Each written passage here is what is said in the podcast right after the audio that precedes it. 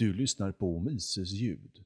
Idag avhandlas artikeln Naturliga eliter, intellektuella och staten. Författare Hans Hermann Hoppe. Publicerades på mises.se 19 augusti 2014. Inläsare Magnus hälsar dig välkommen. En stat är ett territoriellt våldsmonopol en myndighet som sysselsätter sig med kontinuerlig institutionaliserad kränkning av äganderätten och exploatering av ägaren till privat egendom genom förstatligande, beskattning och reglering. Men hur skapas stater? Det finns två teorier om staternas ursprung. En uppfattning som är associerad med namn som Franz Oppenheimer, Alexander Rystov och Albert J. Nock menar att stater uppstod som ett resultat av en grupps militära erövring av en annan. Detta är teorin om statens exogena ursprung. Men den här uppfattningen har blivit hårt kritiserad på många historiska och teoretiska grunder av etnografer och antropologer, som till exempel Wilhelm Mühlmann. Dessa kritiker menar att alla stater inte bildades genom extern erövring, Faktum är att dessa kritiker menar att uppfattningen att de första staterna var ett resultat av nomadiska herdar som la under sig fasta bosatta bönder, är kronologiskt falsk. Dessutom, denna uppfattning förutsätter en statsliknande organisation hos erövrarna. Därför behöver statens exogena ursprung kompletteras med en mer grundläggande teori om statens endogena ursprung. En sådan teori har tagits fram av Bertrand de Jovenel. Enligt hans teori är stater den naturliga följden av en naturlig elit. Det naturliga resultatet av frivilliga affärer mellan ägare av privat egendom är icke-jämlikt, hierarkiskt och elitistiskt. I varje samhälle finns ett antal individer som uppnår elitstatus genom begåvning. På grund av överlägsna prestationer inom rikedom, kunskap och mod har de här individerna en naturlig auktoritet och deras åsikter och omdöme åtnjuter vida erkännande. Dessutom på grund av selektivt partnerskap, giftermål och lagar om civilt och genetiskt arv kommer positioner av naturlig auktoritet sannolikt att föras vidare inom ett fåtal adliga familjer. Det är till ledarna i deras familjer, med ett väletablerat rykte av överlägsna meriter, framåtanda och exemplariskt personligt uppförande, som folk vänder sig till med sina konflikter och klagomål mot varandra. Dessa ledare av den naturliga eliten agerar ofta domare och fredsmäklare gratis, utifrån den pliktkänsla som förväntas av en person med auktoritet, eller utifrån att man är mån om rättvisa som en privat producerad allmännytta. De små men beslutsamma stegen i övergången till en stat består av just monopoliseringen av domar- och fredsmäklarfunktionen. Detta uppstod så fort en enskild medlem av den frivilligt erkända naturliga eliten var i stånd att insistera att, trots motståndet från andra medlemmar av eliten, så skulle alla konflikter inom ett specifikt område framläggas för honom. Meningsmotståndaren kunde inte längre välja någon annan domare eller fredsmäklare. Monarkins ursprung Så fort statens ursprung betraktas som en utväxt av en tidigare hierarkiskt strukturerad ordning av naturliga eliter, blir det klart varför mänskligheten, i den mån den lydde under en stat överhuvudtaget, har varit under ett monarkistiskt, snarare än demokratiskt, styre större delen av dess historia. Det har såklart funnits undantag. Atens demokrati, Rom fram till 31 f.Kr. Republikerna i Venedig, Florens och Genua under renässansen, de schweiziska kantonerna sedan 1291. De förenade provinserna, Nederländerna, från 1648 till 1673 och England under Cromwell. Men detta var sällsynta förekomster och ingen av dessa liknade alls det moderna en man, en röst demokratiska systemet. Snarare var även de i hög grad elitistiska. I Aten till exempel röstade inte mer än 5% av befolkningen och endast dessa var valbara till styrande positioner. Det var inte förrän efter slutet av första världskriget som mänskligheten verkligen lämnade den monarkistiska tidsåldern. monopoliserad makt. Från den stund då en enskild medlem av den naturliga eliten framgångsrikt monopoliserade domar och fredsmäklarfunktionen blev lag och upprätthållande av lag av ordning dyrare. Istället för att erbjudas avgiftsfritt eller i utbyte mot frivillig betalning blev det finansierat av en obligatorisk skatt. Samtidigt försämrades lagens kvalitet.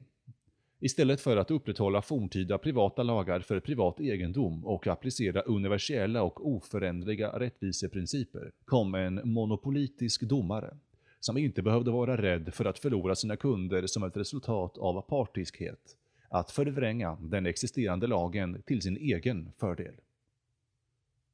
Hur var detta lilla, men avgörande steg av kungens monopolisering av lag och ordning vilket precis som väntat ledde till högre priser och lägre kvalitet på rättvisa möjligt.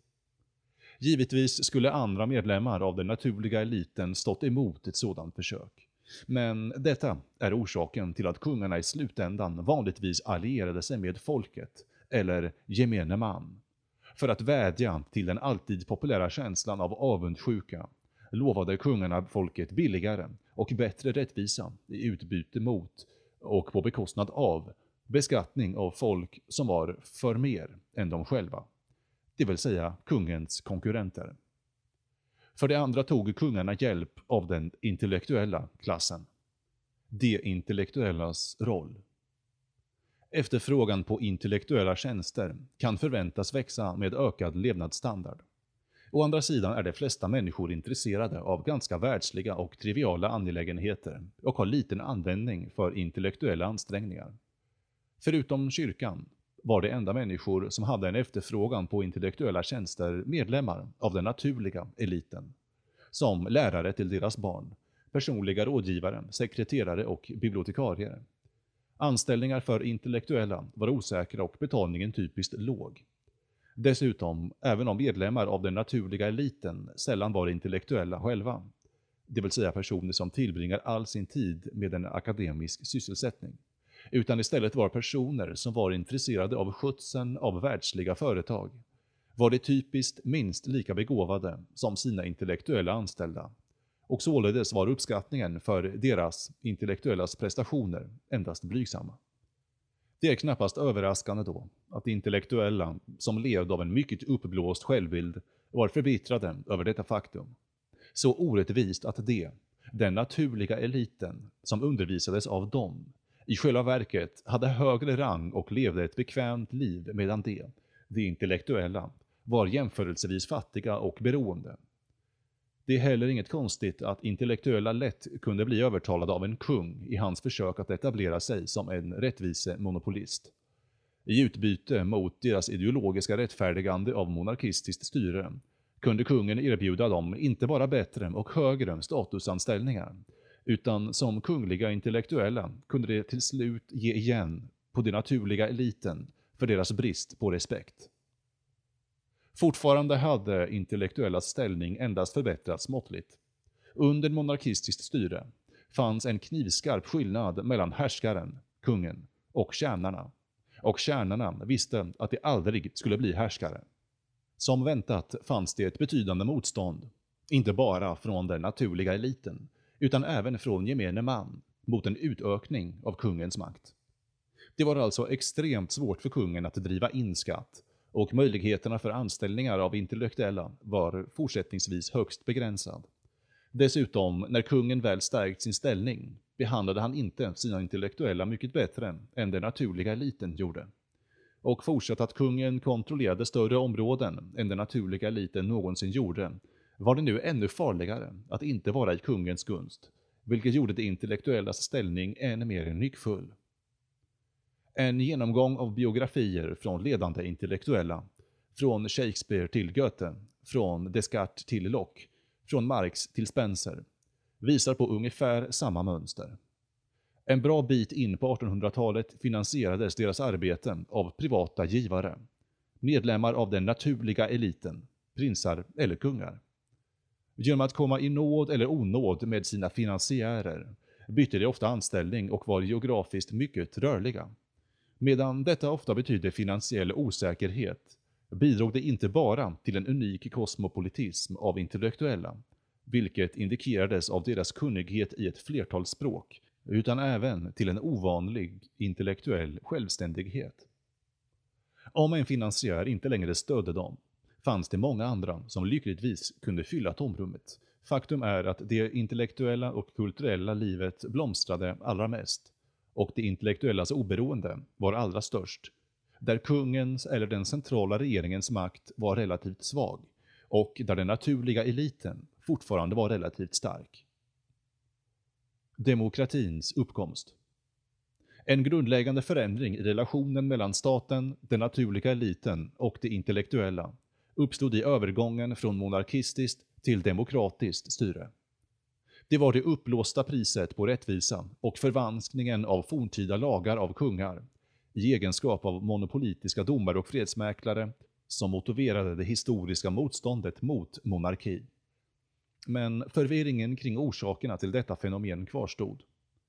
Det finns det som mycket riktigt förstod att problemet var monopolet, inte eliten eller adeln.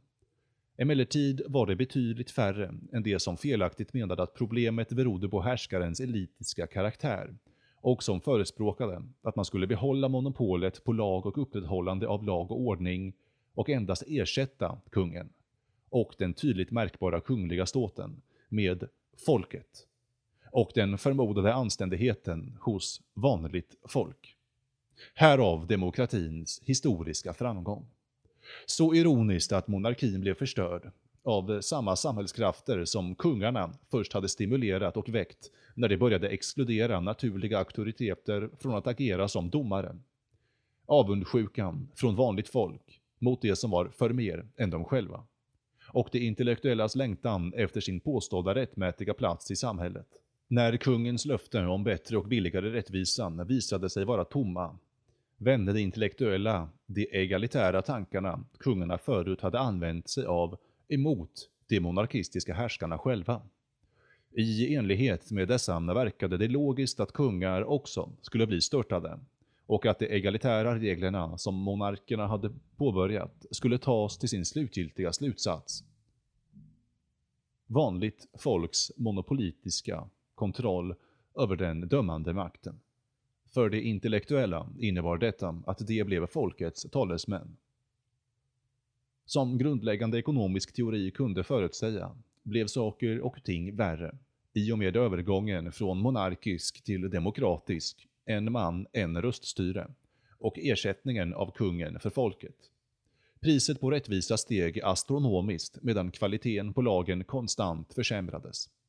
För vad den här övergången i slutändan innebar var ett system med privatägt styre, ett privat monopol, ersatt av ett offentligt ägt styre, ett offentligt ägt monopol.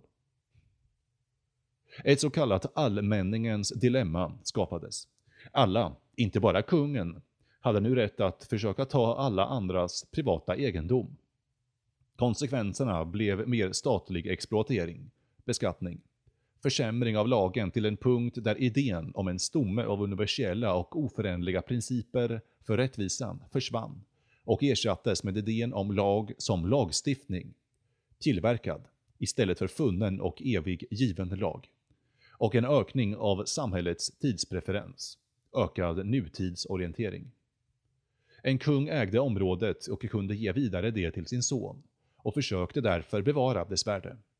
En demokratisk härskare var, och är, en temporär förvaltare och försöker därför maximera nuvarande statlig inkomst av alla sorter på bekostnad av kapitalvärdet och slösar således. Här är några av konsekvenserna. Under den monarkiska tidsåldern före första världskriget var statliga utgifter i procent av BNP sällan högre än 5 procent. Sedan dess har det typiskt stigit till omkring 50 procent. Före första världskriget utgjordes statliga jobb typiskt färre än 3 procent av totala antalet jobb. Sedan dess har det ökat till mellan 15 och 20 procent. Den monarkiska tidsåldern karaktäriserades av nyttighetsvaluta, guld, och köpkraften hos pengar ökade gradvis.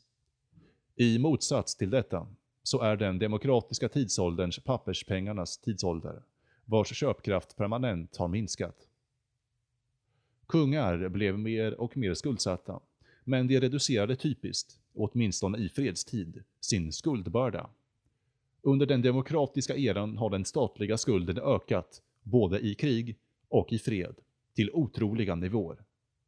Reella räntenivåer under den monarkiska tidsåldern hade gradvis fallit till någonstans kring 2,5% Sedan dess har reella räntenivåer, nominella nivåer justerade för inflation, stigit till någonstans kring 5% likvärdigt med 1400-talets nivåer. Lagstiftning existerade i realiteten inte förrän i slutet av 1800-talet. Idag, under ett enda år, tas tiotusentals lagar och regleringar fram. Räntan på sparkapital minskar istället för att öka med stigande inkomster och indikatorer på familjeupplösning och brott ökar konstant. Den naturliga elitens öde. Då det gick mycket bättre för staten under demokratiskt styre och det har gått mycket sämre för folket sedan de började härska över sig själva. Hur gick den för den naturliga eliten och de intellektuella? När det gäller den förstnämnda lyckades demokratiseringen med det som kungar endast blygsamt påbörjat, med den naturliga elitens och adelskapets ultimata förstörelse. De stora familjernas rikedomar har upplösts av konfiskatoriska skatter, både under deras livstid och vid dödstillfället. Dessa familjers tradition av ekonomiskt oberoende, intellektuellt förutseende och moraliskt och andligt ledarskap har sedan länge förlorats och glömts. Rika människor existerar idag, men oftare än inte så har de direkt eller indirekt staten att tacka för sina rikedomar. Därför är de oftare mer beroende av statens fortsatta tjänster än många människor med mycket mindre rikedomar. Det är typiskt nog inte längre ledare för gamla ledande familjer, utan nyrika. Deras beteende betecknas inte av dygd, visdom, värdighet eller smak, utan är en reflektion av samma proletära masskultur som kännetecknas av nutidsorientering, opportunism och hedonism, som de rika och berömda nu delar med alla andra. Följaktligen, och gudskelov, har deras åsikter inte större inverkan på den allmänna opinionen än andra människors. Demokrati har uppnått vad Keynes endast drömde om. Dödshjälp för rentierklassen. Rentier är en person som lever på ränta. Keynes uttalande att citat ”i det långa loppet är vi alla döda” slutcitat, beskriver exakt var vår tids demokratiska anda är nutidsorienterad hedonism. Även om det är perverst att inte tänka bortom sitt eget liv har sådant tänkande blivit typiskt. Istället för att förädla proletärerna har demokratin proletariserat eliten och systematiskt förstört massans tankesätt och omdöme. De intellektuellas öde. Å andra sidan, medan den naturliga eliten förstördes tog de intellektuella en mer framstående och kraftfull ställning i samhället. Faktum är att de i stor utsträckning har uppnått sitt mål och blivit den härskande klassen, med kontroll över staten och agerandes monopolitiska domare. Med detta är det inte sagt att alla demokratiskt valda politiker är intellektuella, även om det sannoliken är mer intellektuella idag som blir presidenter än det var intellektuella som blev kungar. När allt kommer omkring krävs det ganska annorlunda färdigheter och talanger att vara en intellektuell än vad som krävs för att vädja till massorna och att vara en framgångsrik insamlingsledare. Men även icke-intellektuella är produkter av indoktrineringen i skattefinansierade skolor, universitet och av offentligt anställda intellektuella och nästan alla deras rådgivare tas från denna samling. Det finns knappast några ekonomer, filosofer, historiker eller samhällsteoretiker med hög ställning som är anställda privat av medlemmar av den naturliga eliten. Och de få som kvarstår av den gamla eliten och som skulle kunna köpa deras tjänster har inte längre råd att finansiera intellektuella. Istället är intellektuella numera offentligt anställda, även om de arbetar för nominellt privata institutioner eller inrättningar. nästan helt beskyddade från konsumenternas nycker när det gäller efterfrågan, har deras antal ökat dramatiskt och deras kompensation är i snitt långt över deras verkliga marknadsvärde. Samtidigt har kvaliteten på vad de intellektuella presterar konstant fallit. Du kommer att upptäcka att det mesta är irrelevant och obegripligt. Vad som är än värre, i de fall då dagens intellektuella lyckas producera något överhuvudtaget som är relevant och begripligt, är det ondskefullt statsstyrkande. Det finns undantag, men om praktiskt taget alla intellektuella är anställda inom grenar av staten, borde det knappast komma som en överraskning att det mesta av deras allt mer voluminösa produkter antingen kommer att vara, på beställning eller av försummelse, statlig propaganda. Det finns flera som propagerar för demokratiskt styre idag än det någonsin har funnits sådana som propagerat för monarkiskt styre i hela mänsklighetens historia. Denna till synes ostoppbara framdrift för förstatligande illustreras av ödet för den så kallade Chicago-skolan. Milton Friedman, hans föregångare och hans anhängare. Under 1930-talet och 1940-talet ansågs fortfarande Chicago-skolan ligga på vänsterkanten, och på goda grunder. Med tanke på att Friedman till exempel förspråkade en centralbank och papperspengar istället för en guldstandard. Han stödde helhjärtat principen om en välfärdsstat med sitt förslag om en garanterad minimuminkomst, negativ inkomstskatt, på vilket han inte kunde sätta en gräns. Han förespråkade en progressiv inkomstskatt för att uppnå sina explicita jämställdhetsmål och han hjälpte personligen till att implementera källskatten. Motsvarar till exempel modellen i Sverige, att arbetsgivaren håller inne och drar av skatten istället för att man betalar in den själv i syfte att maximera skatteuttaget. Friedman förespråkade idén att staten kunde införa skatter för att finansiera produktionen av alla varor som hade en positiv effekt på omgivningen eller som han trodde skulle ha en sådan effekt. Detta innebär såklart att det nästan inte finns någonting som staten inte kan skattefinansiera. Dessutom var Friedman och hans anhängare förespråkare av den ytligaste av alla ytliga filosofier, etisk och epistemologisk relativism. Det finns inga definitiva moraliska sanningar och all vår objektiva, empiriska kunskap är i bästa fall hypotetisk sann. Men de tvekade aldrig om att det måste finnas en stat och att den staten måste vara demokratisk. Idag, ett halvt århundrade senare, betraktas Chicago Freedmanskolan utan att väsentligt ändrat några av sina ställningstaganden som högerorienterad och marknadsliberal. Faktum är att skolan definierar gränsen för respektabla åsikter på den politiska högerkanten. En gräns som endast extremister passerar.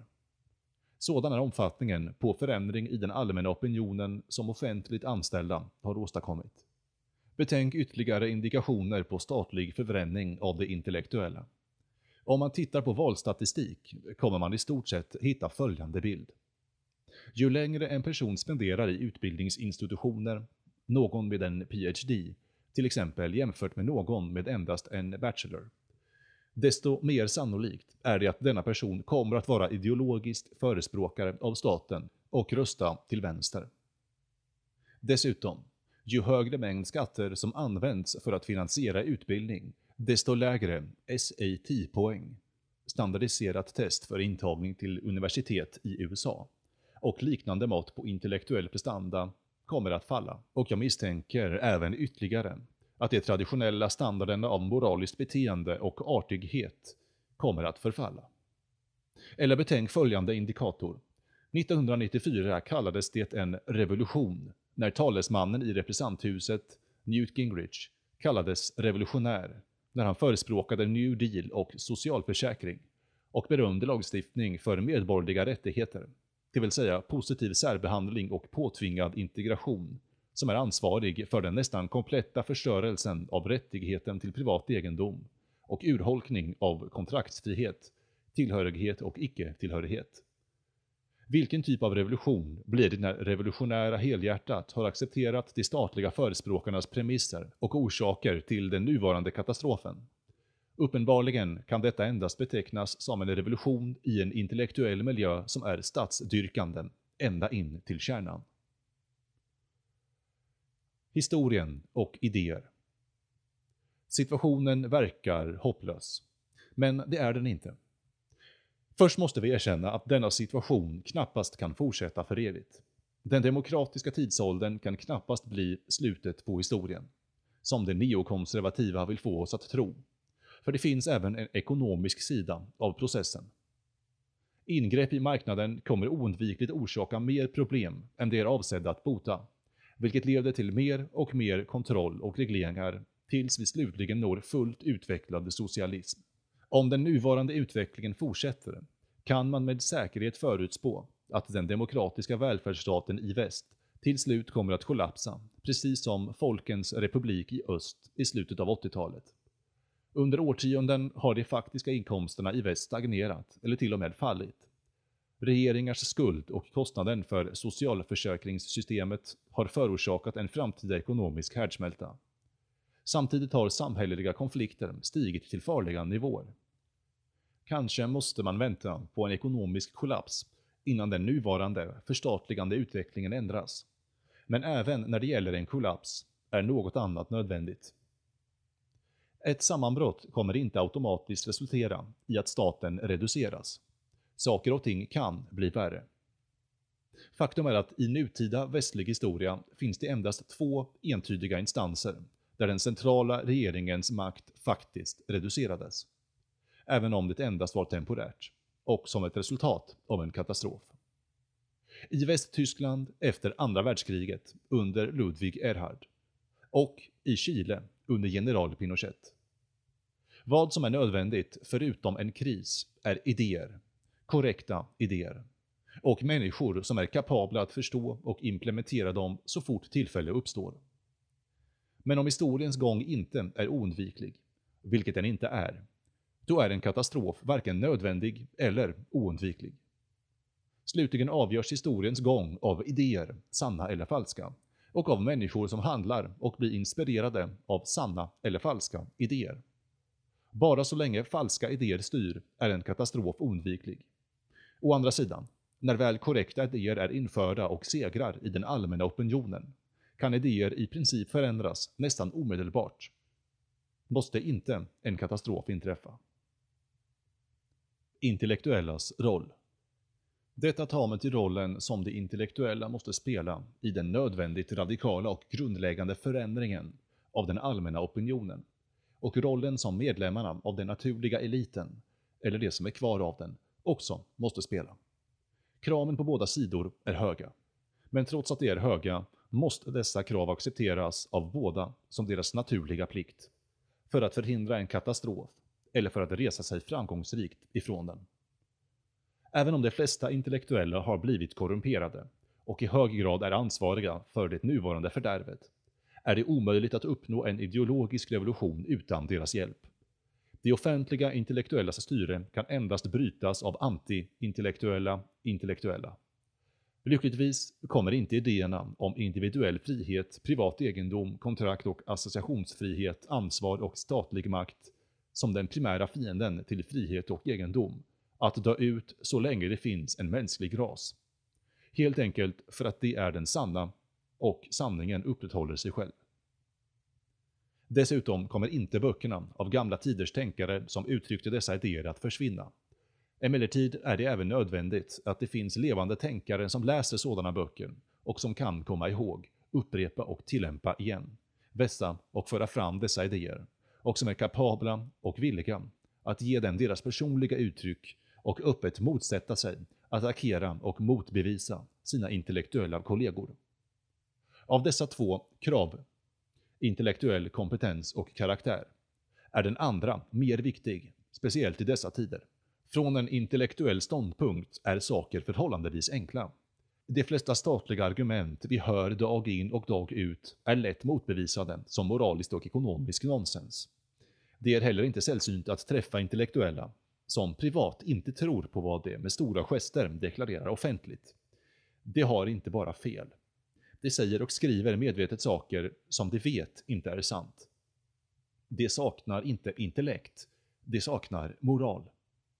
Detta betyder i sin tur att man måste vara förberedd och inte bara bekämpa lögnaktighet, utan även ondska.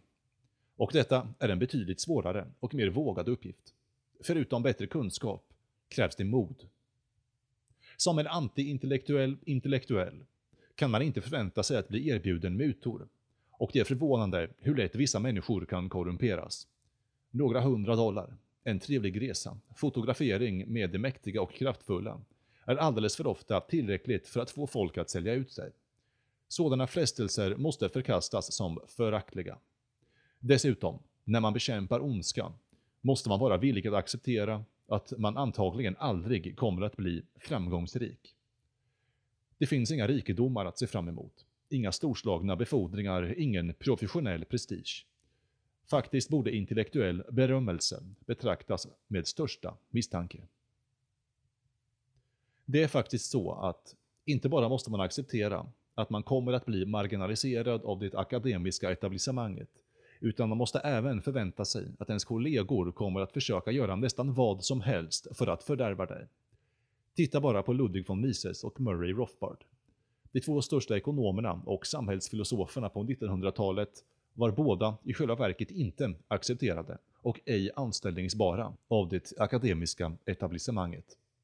Ändå, genom deras liv fogade de sig aldrig, inte ett dugg. De förlorade aldrig sin värdighet eller gav efter för pessimism. Tvärtom, ställda inför konstant motgång fortsatte de oförskräckt och till och med muntert och arbetade med en ofattbar nivå av produktivitet. De var nöjda med att vara hängivna sanningen och inget annat än sanningen. Den naturliga elitens roll. Det är här som resterna av vad som är kvar av den naturliga eliten kommer in. Äkta intellektuella, som Mises och Rothbard, kan inte göra vad de gör utan den naturliga eliten. Trots alla hinder var det möjligt för Mises och Rothbard att göra sig hörda. De var inte dömda till tystnad. De kunde fortfarande undervisa och publicera. De kunde fortfarande vända sig till en läsekrets och inspirera folk med sina insikter och idéer. Detta hade inte varit möjligt utan stödet av andra. Mises hade Lawrence Fertig och William Folker Fund, som betalade hans lön på New York University. Och Rothbard hade Ludwig von Mises, institutet som stödde honom, hjälpte honom att publicera och marknadsföra hans böcker och tillhandahöll den institutionella ramverket som tillät honom att säga och skriva vad som behövde sägas och skrivas och som inte längre kan bli sagt och skrivet inom den akademiska världen och det allmänna, statsstyrkande etablissemangets media. En gång i tiden, i den predemokratiska tidsåldern, när andan av jämställdhet ännu inte hade förstört de flesta människor med oberoende välstånd, oberoende sinnen och gott omdöme, togs uppgiften att stödja icke-populära intellektuella upp av individer. Men vem i dessa dagar, ensam, kan ha råd med att anställa en intellektuell privat som sin personliga sekreterare, rådgivare eller lärare till sina barn? Och de som fortfarande kan är oftare än inte djupt involverade i den alltmer korrupta storstatliga storföretagande alliansen. Och de för fram samma intellektuella kretiner som dominerar den statsstyrkande akademiska världen. Tänk bara på till exempel Rockefeller eller Kissinger.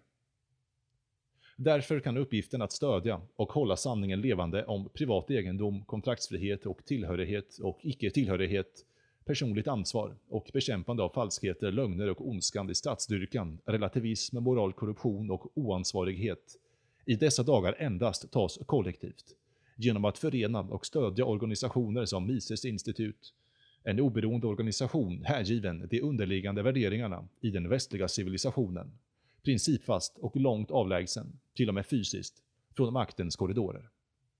Dess program och stipendium, utbildning, publikationer och konferenser är inget mindre än en ö av moral och intellektuell anständighet i ett hav av perversion. Säkerligen är varje anständig persons första skyldighet gentemot sig själv och sin familj. Han borde, på den fria marknaden, tjäna så mycket pengar han bara kan.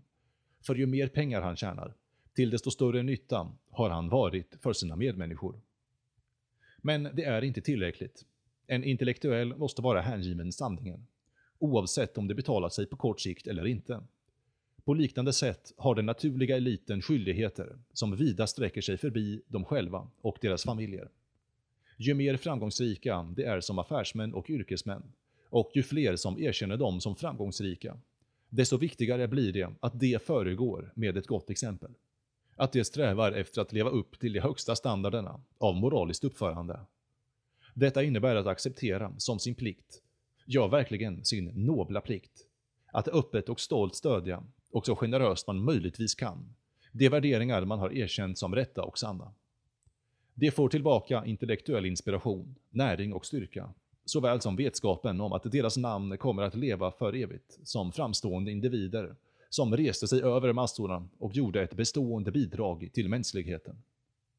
Ludwig von Mises-institutet kan vara en mäktig institution, en modell för återupprättandet av genuint lärande och ett närstående universitet med utbildning och stipendium. Även om vi inte ser våra idéer triumfera under vår livstid, kommer vi veta och vara evigt stolta att vi gav allt och att vi gjorde vad varje ärlig och nobel person måste göra.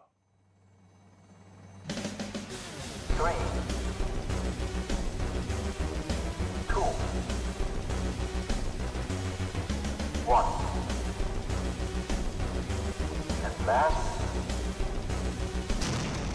don't put your trust in politics